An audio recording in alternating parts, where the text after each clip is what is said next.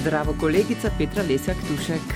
Zdravo. Kako si? Uh, vedno boljše. Uh, menim, da velja obuditi uh, staro maniro sopotnikov, prva boš, ki jo boš obudila in sicer je treba začeti nekako osebno, informativno, z eno tako kratko osebno izkaznico in te vprašam, rojena kje in komu?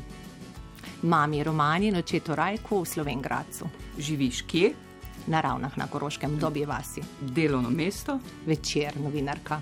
Delo, ki ga upravljaš? Novinarka. No, In urednica. Ja. In, in, Tako, novinarka in urednica regionalnih vsebin na večeru. Uh, število sklec? Uh, tih pa kar naredim, ker hodim na jogo, tako da v, znotraj asanih, po moje, v eni uri naredimo kakih 50. Ampak jogijske sklece to ne šteje. Pa po moje, ja, ker kar precej dela. So enako vredne? Jaz jih štejem za enako vredne, ker so te uh, utemeljene na, na kor temu srednjemu delu telesa in mislim, da je enako zahtevno. Tudi Okay. na moč rok. Zadnja stvar, ki si jo naredila danes v službi, Posnela uh, eno izjavo. glede na to, da si se pripeljala odkot, Pripeljala sem se zraven na Koroškem z našega dopisništva večera uh, in pošla na Društvo novinarjev, kjer sem tudi še upravljala delo. Uh, sicer je tvoje potovanje med ravnami na Koroškem in uh, Mariborom vsak dan? Eh, Ne, nisem vezana na dnevno prisotnost na delovnem mestu, prav tam v redakciji eh, delam tudi iz dopisništva nadaljavo, tako da kombiniram. Teden eh, v bistvu mi mine eh, bolj na ravnah, kot pa v Mariboru, enkrat, dvakrat na teden. Zdaj mi pa povej, kdaj si bila na zadnje na Twitterju, Nimam profila. kdaj si brala profil Twitter, Danes prek društvenega profila. uh, kdaj si na zadnje objavila kaj na Facebooku, Uh, to je bilo pa po moje, kakšne tri ure nazaj. kaj pa je bila ta objava. Gostovanje pri tebi. Pravzaprav je več ur nazaj, če sem faktično točna. Zdaj pa še Eh, povej, komu tako. slediš. O, Koliko samo ljudem? sebi. ne vem, ker na Twitterju nimam profila, eh, prijateljev na Facebooku pa se ne spomnim trenutno približno, kar nekaj jih je. Petra Lesjak Tušek, ki je sopotnica na valu 202. Petra Lesjak Tušek, novinarka, urednica pri časniku Večer, zdaj sopotnica na valu 202. Petra, kdaj si bila na zadnje na Uršli gori? Uh, prejšnji petek, uh, ko sem se po um, nedeljskem dežurstvu odpravila uh, in sem bila prav sama, ker je bil slab dan, uh, tudi sama sem kolebala, bi šla, pa sem se vseeno odločila, zdelo se mi je, da moram malo um, pretuhtati stvari v samoti in mi je to tudi fajn uspelo, ker ni bilo prav nikogar razen skrbnice na koči. Pogosteje, um, pogosteje uspon potrebuje telo ali glava? Oboje bi rekla. Uh, fizično potrebujem uspone, ker se mi zdi, da se s tem tudi uh, psihično razbremenim. Uh, hkrati pa tudi glava je potrebna za to, da telo zdrži, uh, kadar gre za kak močnejši napor. Kaj pa zdaj v teh časih, ko je vse sorte skrbi ali pa vse sorte malo drugačnih skrbi, kaj je tvoj skupni imenovalec težav, službeni, zaradi katerih greš na Uršljo ali pa še kam više? Zdaj, širše gledano, gotovo vse čas uh, vse bolj zaostrene razmere v novinarstvu, drugače pa te čisto vsakodnevne tegobe, pravzaprav ni uh, hude uh, zgodbe v zadju, ampak te dnevne obremenitve in obveznosti, ki jih pač moraš opraviti. Uh, večja je težava, više greš? Uh, Včasih, ja, čeprav sem se z leti tudi naučila, da nobena težava v resnici ni tako velika, da se je ne bi dalo obvladati, in se mi zdi, da sem že kar tam, ko znam relativizirati stvari. Zdaj radi pravimo, um, da je novinarstvo v teh razmerah, v teh časih na preizkušnji. Hkrati pa so taki časi za novinarje na nek način draž ne, z- za naše delo. Povej mi čisto intimno, kaj je tvoja največja skrb ta hip kot predsednica Društva novinarjev? V smislu razmer v novinarstvu. Uh, po moje, realno um, nekakšna prihodna smer novinarstva, tudi z vidika novinarske avtonomije in svobode, glede na vse močnejše intervencije in poskuse omejevanja, uh, te temeljne uh, narave novinarskega dela, ki je prav v, tej naši svobodi, ki jo imamo, v tem, da neodvisno, kolikor toliko samostojno upravlja svoje delo, ne glede na vse pritiske, ki so vedno bili in bodo. Tako da realno se mi zdi to širšo sistemsko okolje in pogoji, ki so uh, kar precejšna skrb. Um, a greš kdaj v hrib tudi iz, iz nemoči? tudi kdaj. Take čisto intimne nemoči, ne kot predsednica društva, ampak čisto kot Petra, ki je doživela kako osebno diskreditacijo, kar jih zagotovo doživljaš? Gotovo tudi, ja. Osebne diskreditacije so, so seveda pogoste, sploh ženske. In se mi zdi, da absolutno skozi neke te osebne poti, odmike, lahko to lepo prečistiš. No? uh, nisi edina, ne? Uh, strele pravzaprav visoke vrhove uh, švigajo. Zdaj, ko si na tem položaju, še toliko bolj. Ja, čeprav ga v bistvu nikoli nisem gledala na ta način. Včasih se res zdi, da uh, si mogoče ko pride do neke skupne težave in se izpostavljamo za nekaj, kar v poklicu želimo doseči, se ti zdi, da imaš za sabo celo novinarsko skupnost, eh, da dejansko zastopaš neka stališča. Eh, medtem, ko, ko pa pride do posamičnega problema, eh, pa si osamljen, se mi zdi, tako kot nasploh velja v življenju. Veliko krat ugotoviš, In na poslovnih, in na zasebnih poteh, kako malo zaslombe v resnici na koncu imaš, čeprav jo sam skušaš dajati pač mm -hmm. drugim pa ne, da bi bilo to kaj posebnega. Se mi zdi, da je v človekovi naravi, da vsi na nek način tako funkcioniramo. Eh, gre pač je oprosti. Zdaj marsikdo deležen, če ostaneva pri tem nespodobnih komentarjev, če se spodobno izrazim, ne, marsikdo od novinarjev. Eh, vas to povezuje, prav dotične osebe? Kako se znajti in kako iti dalje? Eh, gotovo, ravno danes je v bistvu bilo to poročilo Evropske komisije, ki je pritrdilo tem našim ugotovitvam, da so pravzaprav ti verbalni napadi in grožnje na novinarje, še posebej na spletu, eh, ki je tako prikladno okolje, zato da se hitro širijo, eh, da je dejansko zaskrbljujoče, da to ni nek naš vtis, ampak da je tudi realna ocena nekje od zunaj. Um, To na nek način povezuje, žal povezuje, uh, je pa hkrati postalo že del uh, neke normalnosti, uh, ki je tudi po svoje zaskrbljujoča, da se je v bistvu ta meja uh, nespodobnega tako spustila, da se lahko že sprašujemo o tem, da smo na nek način postali že tudi predvsej bolj tolerantni do tega, kot smo bili v preteklosti. In da mogoče niti ne jemlješ več tako resno, čeprav ostaja povsem enako resno, bi rekla. In se ta nestrpnost v družbi skozi, to, skozi te oblike še bolj krepi. In to sovražno zrače je tudi tisto, kar bi rekla, da me v širšem smislu skrbi tudi z vidika razmisleka, če je to družba, v kateri bi radi bili in če je to res družba, v kateri se dobro počutimo. Ker mislim, da se ne. Dajva za sekundu skočiti nazaj k tvojemu umiku v, v hribe. Je bil poleti utežen ta uh, umik zdaj, oziroma ni bilo samote na nek način? Ne? Ja, na nek Tile način. Vaučeri so naredili svoje.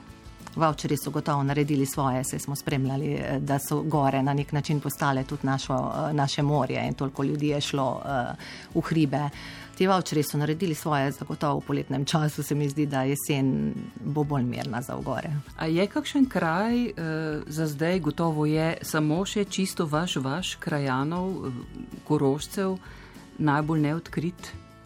Uh, gotovo so ti uh, mali, uh, bi prej rekla, v gozdu kot v gorah, uh, uh -huh. kjer ima vsak posameznik lahko svoj odmik. Eh, Koroška nikoli ni bila posebej uh, obiskana in uh, ima še svoje skrite kotičke in naj kar tako tudi ostane. Najbrž je peca tista, ki je najbolj oblegana, si predstavljam. Ja, se mi zdi, da je to svojo zgodbo. Peca je popularna, posebej za štajerce. Se mi zdi, da je kar nek tak štajerski triglav, veliko jih prihaja, bi rekla, da še več kot domačinov. Uh, ker za peco tudi vseeno, v primerjavi z Uršlo Goro, uh, že rabiš malo več kondicije. Hčerki, slišim, da sta tudi z vama, z možem, hodili v vse čas v hribe, pa me zanima zdaj, ko imata že svoje športne obveznosti, eh, še kdaj skupaj na kako peco? Uh, manj, ker dejansko nimata časa. Uh, Gaja uh, ima v najemu konja in ima veliko časa nameni temu. Uh, poleg tega preskakuje uvire in trenira. Daša pa eh, trenira plavanje in tam je. In pa... kar spodobno, ne? državna prvakinja, mladinska, na Evropskem prvenstvu sodelovala. Uh, ja, je reprezentantka in dvakrat na dan trenira, tako da je to kar naporno in je jutra so pri nas res jutra. In si predstavljam, da pa zna biti, da vsaka skrb, vsaj takrat, ko se tvoj adrenalin nekako naloži, ko navijaš za njo, je pa to tone. Zagotovo, hm? ja, to je pa to, pol, kjer človek reče, da ima življenje nek smisel. Kdaj si bila na zadnje na, kakem, na kaki tekmi? Bili smo v Glasgowu takrat eh, pred korono v uh, zimskem času na prehodu na Evropskem prvenstvu. V kratkih bazenih.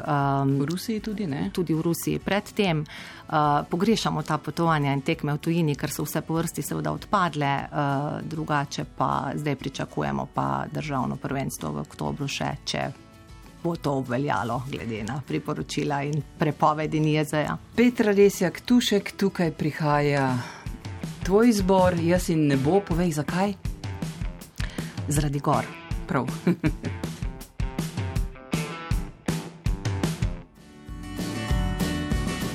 Petra Lesjak Tušek, novinarka, predsednica Društva novinarjev Slovenije, sopotnica na valu 202. Kako se Petra držijo v črni na koroškem, virus jih je precej prizadel.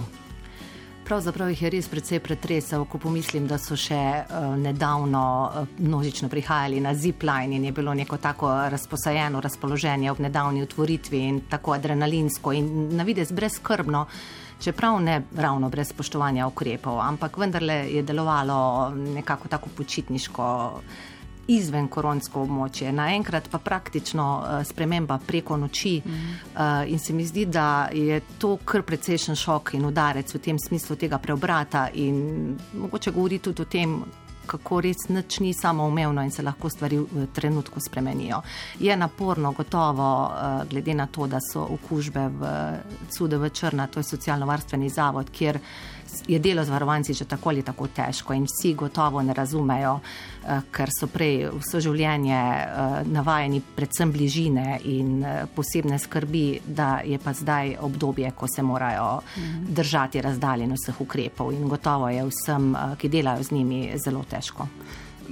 Zdaj še toliko bolj do izraza, gotovo deliš to mnenje, prihaja vloga, bom rekel, klasičnih resnih, kakovostnih eh, medijev. Zakaj meniš, Petra, da se še vedno premalo ljudi zaveda, da potrebuje kakovostne informacije? Po moje tudi te jemljemo za uh, samoumevne, čeprav je med tem toliko porasta lažnih novic uh, in tudi toliko kanalov, uh, na katere brezplačno in kadarkoli hitro uh, vstopamo uh, in, in jih je tudi lažje prebaviti, vse te instant novičke, ki uh, recimo predvsem mladim pač iz vseh kanalov uh, služijo zdaj že kot osnovno sredstvo. To, kar si rekla, da prihaja v bistvu to zavedanje o verodostojnih, kredibilnih vsebinah v tem času se je še posebej potrdilo. Res je zelo pomembno, uh, kako, na kak način, kdaj, uh, kako je odmerjeno in pretehtano informiranje. A meniš, oprosti, da mogoče ljudje bolj zaupajo spletu ali pa so bolj navezani na splet in manj nam, tudi zato, ker je treba drugim plačati uh, informacijo? Ja, smo kar zastonkarska kultura. Zelo radi uh, dobimo uh, kupončke, nagrade, uh mhm. -huh. darila, vstopnice. Uh, smo kar vajeni tega nekega načina. Uh, privilegijev, vipovstva, uh, vsakrat pride do zaston kart, recimo, kar tu mislim predvsem na kulturo, sicer pa tudi za, za časopis niso pripravljeni plačati uh mhm. -huh. oziroma za kredibilne vsebine, ki jih je treba recimo zdaj že na spletu odpirati, odklepati in ja, odšteti ja. nekaj denarja. Uh, Eh, zelo težko se je po vsem tem obdobju brezplačnikov eh, na nek način je bil tudi tu. So bili mediji v primežu.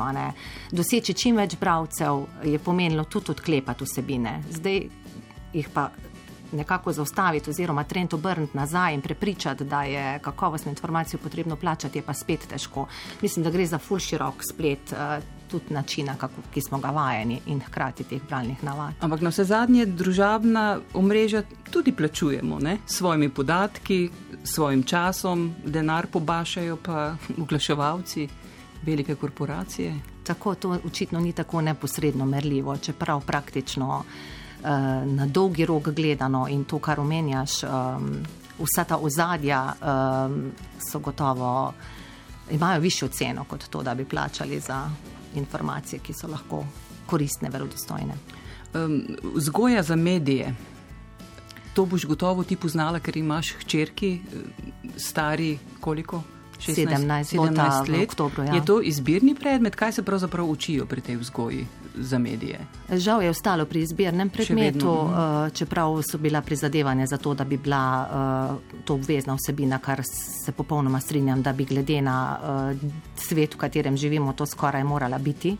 Um, dejansko uh, mislim, da predmet tudi kolikor sem lahko spremljala, ker sta ga itak zdaj že uh, prešli, ker sta v srednji šoli. Um, Ne sledi toliko eh, tem digitalnim novostim, ki bi jih v bistvu ti mladi potrebovali. In se mi zdi, da mogoče ne nagovori do te mere, eh, da bi mladi v resnici lahko spoznali eh, pomen teh medijev, kot jih še mi razumemo. Koliko pa jih je sodelovalo, koliko jih je izbralo ta predmet, kaj veš v razredu tvojih hčer? Vse kar nekaj jih je bilo, zdaj težko bi opredelila, v kakem deležu. Uh, mislim, da interes je, ker vseeno pod mediji, uh, glede na predstavitev predmet, predmeta, razumejo tudi ne, klasično televizijo, multimedija, tako da na nek način jih pritegne in tudi ta sodobna raba v mreži. Ne spomnim se pa popolnoma, zdaj, koliko je bilo v tistem obdobju. Ki mlade še vedno zanima, nagovarja novinarstvo?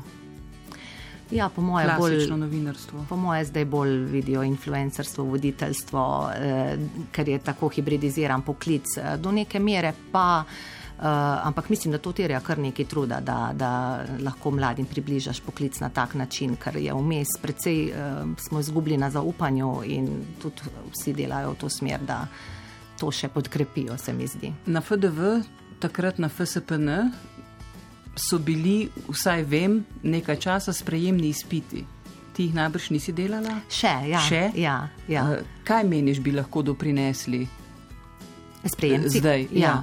Kakovosti dela? Ne je vem. to že kakšna cenzura, takoj pri začetku ali. Ne vem, mi smo takrat pisali slovenščino, matematiko in angliščino, uh mhm. -huh. štelo pa je tudi še uh, torej uspeh uh, iz srednje šole. Uh, Eh, ne vem, ali bi sprejemni izpiti že sami po sebi eh, prinesli že kar na začetku eh, neko selekcijo. Morda. Zdi se mi pa, da se zdaj v bistvu študenti novinarstva usmerjajo še v toliko drugih poklicev povezanih z novinarstvom, da praktično je to samo pač neka širša družboslovna izobrazba, ki te potem pač samo let tja zapelje v nadaljevanju. Petra Lesjak Tušek je sopotnica na valu 202, uh, zdaj pa pride Leonard Cohen kar naj pride.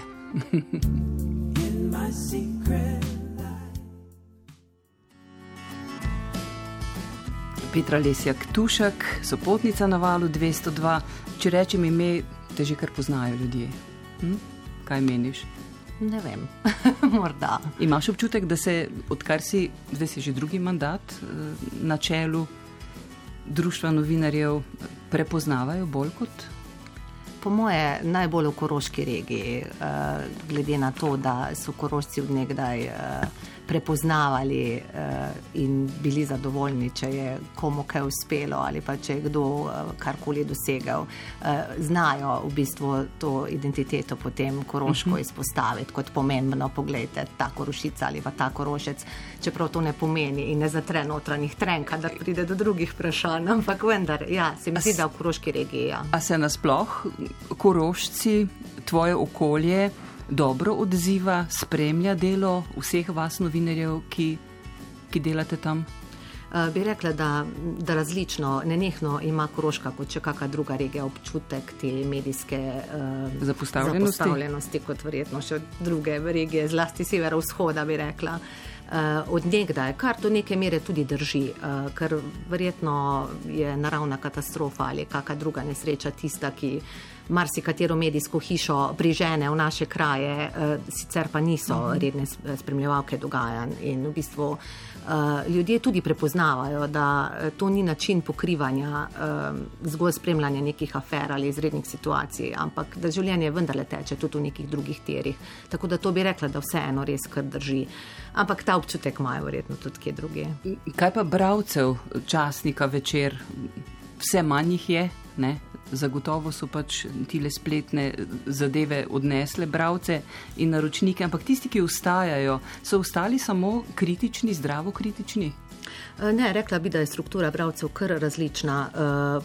Glede na to, da se je pravzaprav branost tiskane izdaje seveda zmanjšala glede na naklade, ampak branost spletne strani večera pa je precej narasla, zlasti po obdobju prenove. Tako da mogoče bravcev v resnici ni manj, prej je nek širši krok, način branja pa se je verjetno spremenil. Če pa govoriva o Koroški, imamo pa tudi poseben portal Večer Koroška, ki smo ga načrtno vzpostavili zato, da izpostavljamo te koroške vsebine tudi z vidika prej omenjene zapostavljenosti. Uh, različni bravci so, ne bi rekla, da so ostali samo kritični, uh, je pa precej kritičnih in to se mi zdi pomembno, da se nam oglašajo. Kadar... Nasploh kritične eh, naslovnike. Če tako rečem, potrebujemo vsi mediji. Ne? Kaj pa ta komunikacija, ki je izjemno pomembna, je spoštljiva med vami in med bravci? Različno, bi rekla, tudi tu se je razširilo, podobno kot pri vseh drugih medijih. Um, različen način komunikacije, ki uh, se mi zdi, da se v zadnjem obdobju še sploh uh, polarizira. Tako da tudi uh, tu marsikatero pikro moramo požreti. Uh, se mi pa zdi, da ta klasičen način, ko se ljudje še oglašajo, kaj pohvalijo, pa tudi še ostaja in se mi zdi kar pomemben.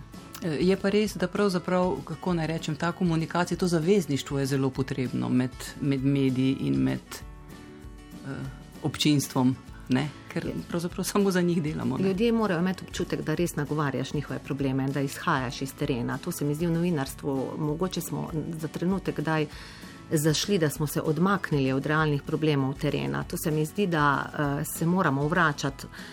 Malo tja, odkudar smo kdaj šli k kakim eh, drugim verom, in da eh, je pri ljudeh treba najprej vprašati in jih poslušati. Na tak način te bojo tudi spremljali in boš ohranil njihovo zaupanje. Eh, če ne boš nagovarjal njih eh, in se ukvarjal z drugimi centri, kapitalskimi, političnimi močmi, ki imajo svoje vzvode, potem boš izgubil te ljudi, po moje, za zmeraj. Zavezani smo njim ne? in ne oblastnikom. Absolutno smo zavezani interesu javnosti in to niso neke floskole, ampak v resnici uh, sama opažam, uh, če se pogovarja z ljudmi uh, iz proizvodn, delavci, kmeti, uh, ki živijo res vsakdanje življenje, brez teh političnih uh, kontekstov, ki se z njimi se v resnici ne ukvarjajo, uh, potem zveš čisto kaj drugega kot to, kar se tebi zdi realen problem ali pa kar spremljaš, uh, kar postavljajo na agendo, zavestno za to, da bi mediji temu sledili. Kako pogosto pri večeru preverjate, kaj je najbolj bran uh, tekst? Nenehno. Nenehno pomeni vsak teden? Ali ne, to pomeni to v vsakem trenutku po uh, Google Analytiki, uh, glede na uh, pač te merilne možnosti uh, spletnih strani. Um, in kaj so najbolj brani v poprečju in kaj najmanj? Eh, črna kronika, kot vedno povsod, ne glede na to, da je najbolj. večer, to je vedno kar precej brano. Res pa tudi, uh, in to me vsakič razveseli, razdelane kompleksne zgodbe, kar je, mislim, da uh, uprit in vzpodbudo uh, preiskovalnemu novinarstvu ali pa kakovostnemu novinarstvu. Preiskovalnega je žal vse manj, ker zmanjkuje časa, resursov, uh, ker zmožnosti za to ni več do take mere. Uh, sicer pa tudi te zgodbe, ki sem jih prej omenjala, da gremo na teren, absolutno ljudi zanimajo uspehi mladih podjetnikov, uspehi mladi nas, mladih nasploh, uh, pozitivne zgodbe. Večkrat smo poslušali, da smo mhm, polni mhm. negativnih novic in v resnici se pokažejo kot zelo brane. Vsakič pa razdeljene uh, problemske zgodbe, pa v zadnjem obdobju tudi politika zelo uh, visoko kotira. A korošci radi ostajajo doma, se mladi zdaj že kaj bolj pogosto vračajo domov, imamo občutek, da so se manj, kakih deset let nazaj. Morda eh, nekateri bolj ostajajo, vračanje se mi še vedno zdi um, mogoče problem, eh, ker medtem so se kanali poleg Ljubljane in Maribora razpršili še v tujino, se mi zdi, da tudi kar precej odhajajo. So pa mladi, ki radi ostajajo uh, in jim tudi te eh, ceste in vožnje ne predstavljajo takih problemov kot recimo starejši, ki to mobilnost malo težje že sprejemajo, glede na to, da so razdalje pa časovno precejšnje, če že ne po kilometrih. Kaj so poglavitni razlogi, ki govorijo v prid Sloveniji? Sprašujem o ponudbah, ki jih je Baje tvoja hčera dobila iz Amerike, da bi šla tja trenirati. Um, Ja, uh, Daša ima nekaj možnosti za študij v Ameriki. Uh, ki jih tehta predvsem v odnosu do plavanja in možnosti učenja. Zagotovo so prednosti v tem primeru uh, bolj prilagojeni treningi in večje možnosti učenja tam. kot pri nas, to je tam zagotovo prednost. Eh, v Sloveniji pa eh, sama, v njenem primeru sama kakovost treningov in pa še vedno zelo veliko znanja, ki ga dobiš v slovenskih šolah, ne glede na to, da so še zmeraj preveč podatkovno usmerjene, ampak zelo široka izobrazba, ki se pokaže vsakeč, ko, ko prideš ven in vidiš, da še zmeraj kar precej znamo in vemo. Bo ostala doma? Načeloma ja, pravi, da bi šla v Ljubljano. Petra, Lesjak, Tušek, Linkin Park. Zakaj pa tole? A zdaj si se pa čisto uživela, moram biti tiho, ker ti je zelo ljuba. Ne, v redu je, nekaj hip-hopa vseboje, ki mi je tudi všeč.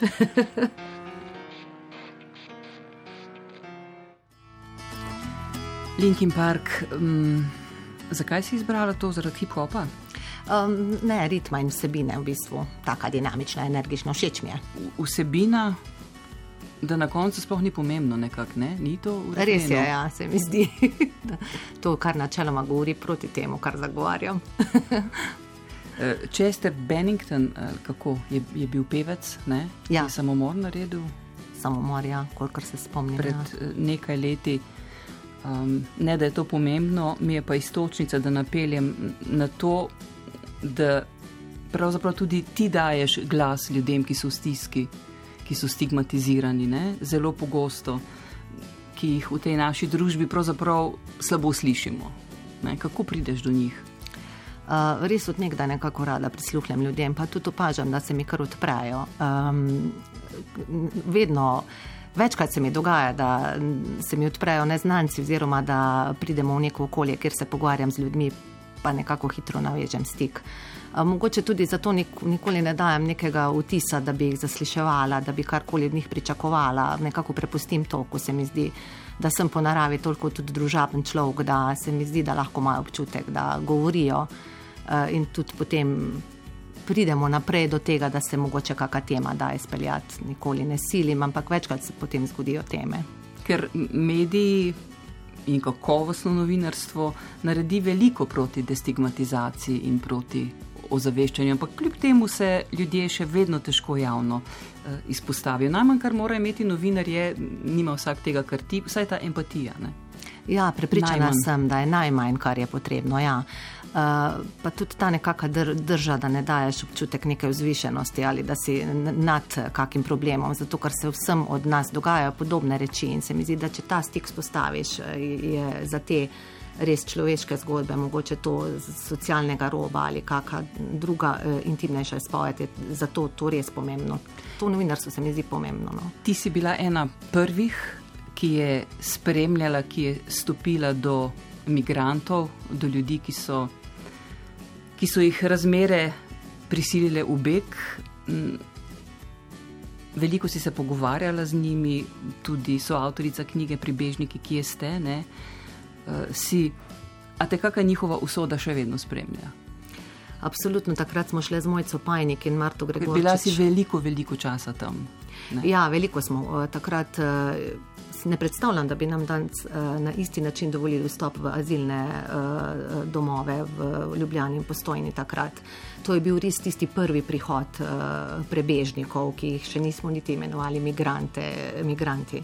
Um, Zelo so se me dotaknile te zgodbe, ker si v resnici ne predstavljamo, kaj pomeni, če imaš dom in kaj pomeni, če te iz države preganjajo zaradi vojne. Uh, To se v vsakem primeru je za nas abstraktno. Lahko se sicer uh, poskušamo poistovetiti, ampak to je nemogoče. Tako kot če za kakšno drugo zgodbo, ki je tragična, ki, ki uh, je frustrirajoča in ima globoke intimne posledice za posameznike. In tudi tam smo v bistvu pristopali v domove na isti način.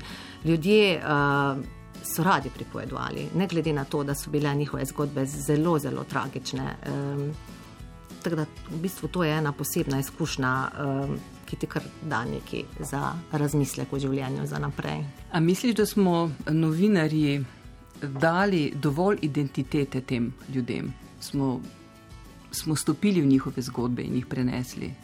Nekateri Tako. novinari zagotovo, uh, sploh če pomislim na kolega Videmška, recimo, uh, absolutno.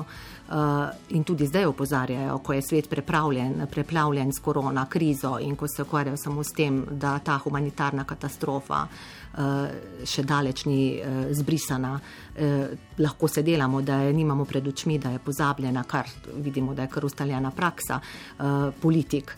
Uh, ampak tu med nami so in kakorkoli. Uh, se mi zdi, da ne vem, če smo dojeli razsežnosti teh humanitarnih katastrof, ki se po svetu dogajajo v tem obdobju, um, ko smo res tako absolutno samo pod plaščem COVID-a vsi in se mhm. ukvarjamo samo s tem. Uh, tudi v medijih smo v bistvu vse teme precej zreducirali na to in bomo počasi mogli začeti širiti ta horizont in ta nabor. Tudi sicer najbrž se je smiselno večkrat vrniti k kakšni zgodbi, ki smo jo že načeli. Ne? Ja, mislim, da je to dobro. Ja. E, pogosto zgodbe delamo samo e, kratkoročno za neko obdobje, potem pa se več ne vračamo ali pa ne poglabljamo oziroma ne nadaljujemo. To je tudi kar precej pogost princip delovanja nasploh, da se nek projekt zaključi, potem pa nič od tega naprej več ne, mhm. ne potegneš. E, v resnici pa življenje ima vseeno nek tok in so stvari prepletene. Petra Lesjak Tušek, sopotnica na valu 202. Društvo mrtvih pesnikov smo slišali prej, zato ker se je Petra Lesjak, eh, Tušek, tako odločila. Nekaj literarnih del smo obudili. Povej, je kakšen klasik, ki te kliče, k kateremu večkrat posežeš? Um, to je pa pri meni vedno tako, da se težko odločam in nimam nekega uh, posebnega nabora, kar precej široko uh, prebiram literaturo, uh, sodobno, zlasti. Eh, slovensko literaturo zelo rada, ker mislim, da imamo dober nabor pisateljev. Eh, pa vračam seveda tudi k klasikom. Kako ste kaj ženska družba, zdaj ta trenutek mi je šlo iz glave, ki se imenujete po Voranče? Tako, mhm. še enkrat povej. ja, Radmance. Radmance ste, uh, Prežiho Voranc vam je ime posodil. To pomeni, da ste take močne, gajsne ženske ali kako? Tako ja, to je ta naturalistična, socialistična podoba ženske, pa vendarle njeno opolnomočenje. Ki delate red tam in eh, širite bralno kulturo, če prav razumem? Uh, ja, v parku večkrat prirejamo javna branja eh, pri hiški za knjige, kjer tudi izmenjujemo knjige. So nam pa po šestih letih, uh, ko je ta naša hiška bivala na drevesu, um, si jo je nekdo zaželel, zgledajo, bo imel doma za svojo knjižnico, skratka, hiške ni več. In, Nam je prijazno en mizar iz Koroške, Andrej, eh, ponudil, da nam naredi novo in je zdaj v izdelavi in naslednji teden jo bomo na novo postavili in naredili kako krajšo branje. Eh, to niso, knjige, to niso knjige mimo bežnice. V bistvu gre za to gibanje, ja. postiš in greš, izmenjuješ knjige, ampak Radman se je v bistvu princip pa je bil, da poskušamo um, literaturo, prozo, poezijo upeljati v javni prostor, da ljudje, ki pridejo, tudi sami berejo. Izberemo neko temo, eh, zdaj v tem obdobju seveda nismo eh, tega peljali na isti način kot pretekla leta in potem beremo na tisto temo eh, vsak izbrano literaturo ali pa svoje dela tudi, marsikdo piše. Pa je pripravljen potem to podeliti, če tudi gre za čisto amatersko. Pomeni, da se je prijelo?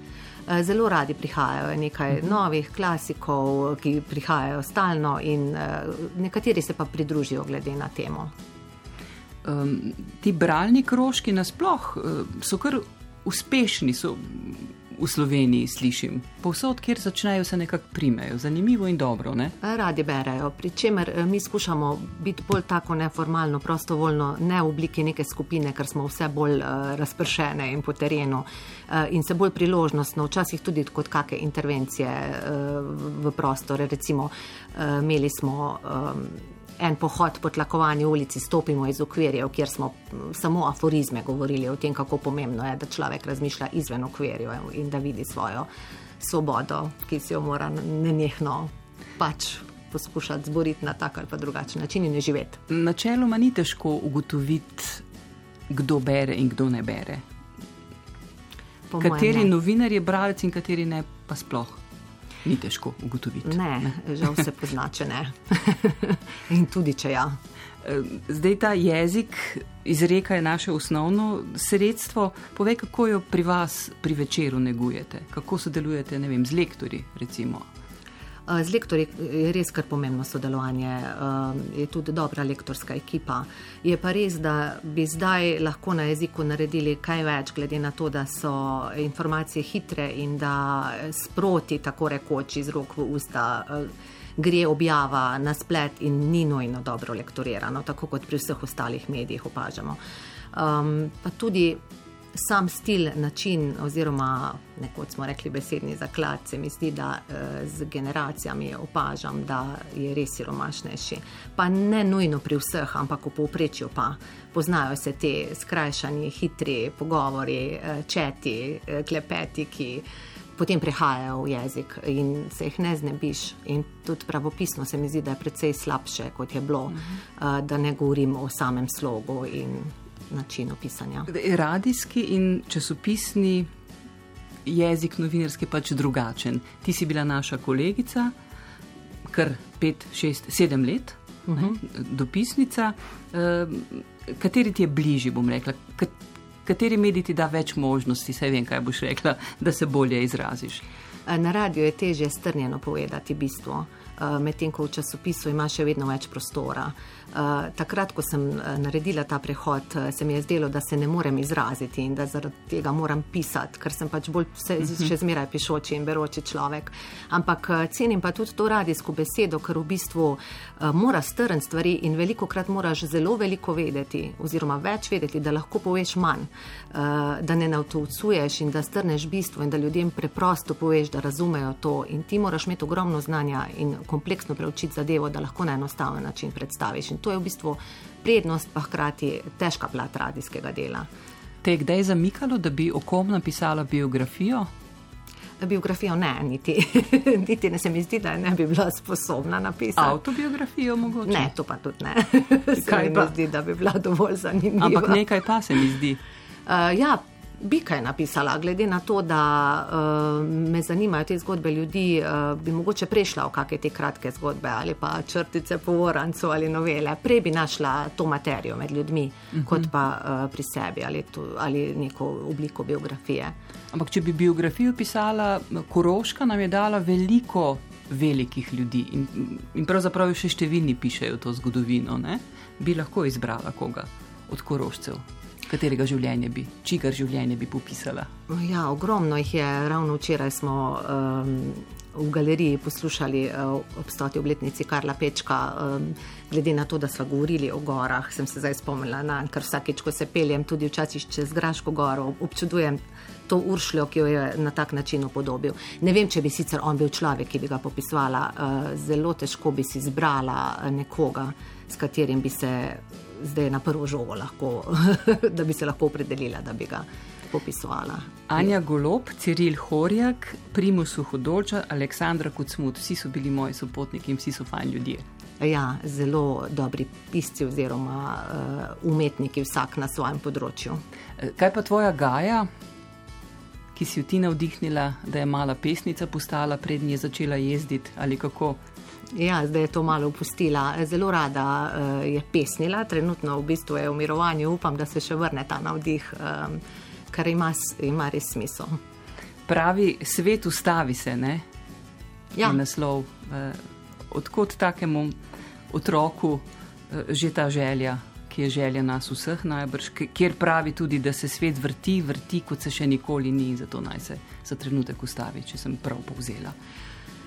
Po mojem je to dovolj, da spremljaš tempo naše družine, da že začutiš, kako dobro je, če bi se kdaj ustavil. Sicer pa mislim, da sta obe res razmišljujoči uh, in da tudi opažata ta, ta, ta hiter ritem, ki nas nekako posrka. Pa se moramo kar malo pobrcati, da uh, si vzamemo še čas za tiste, za katere se je vredno vzeti. Petra, zdaj pa povej na hitro, če rečem roglič, kaj je tvoja asociacija? Napor.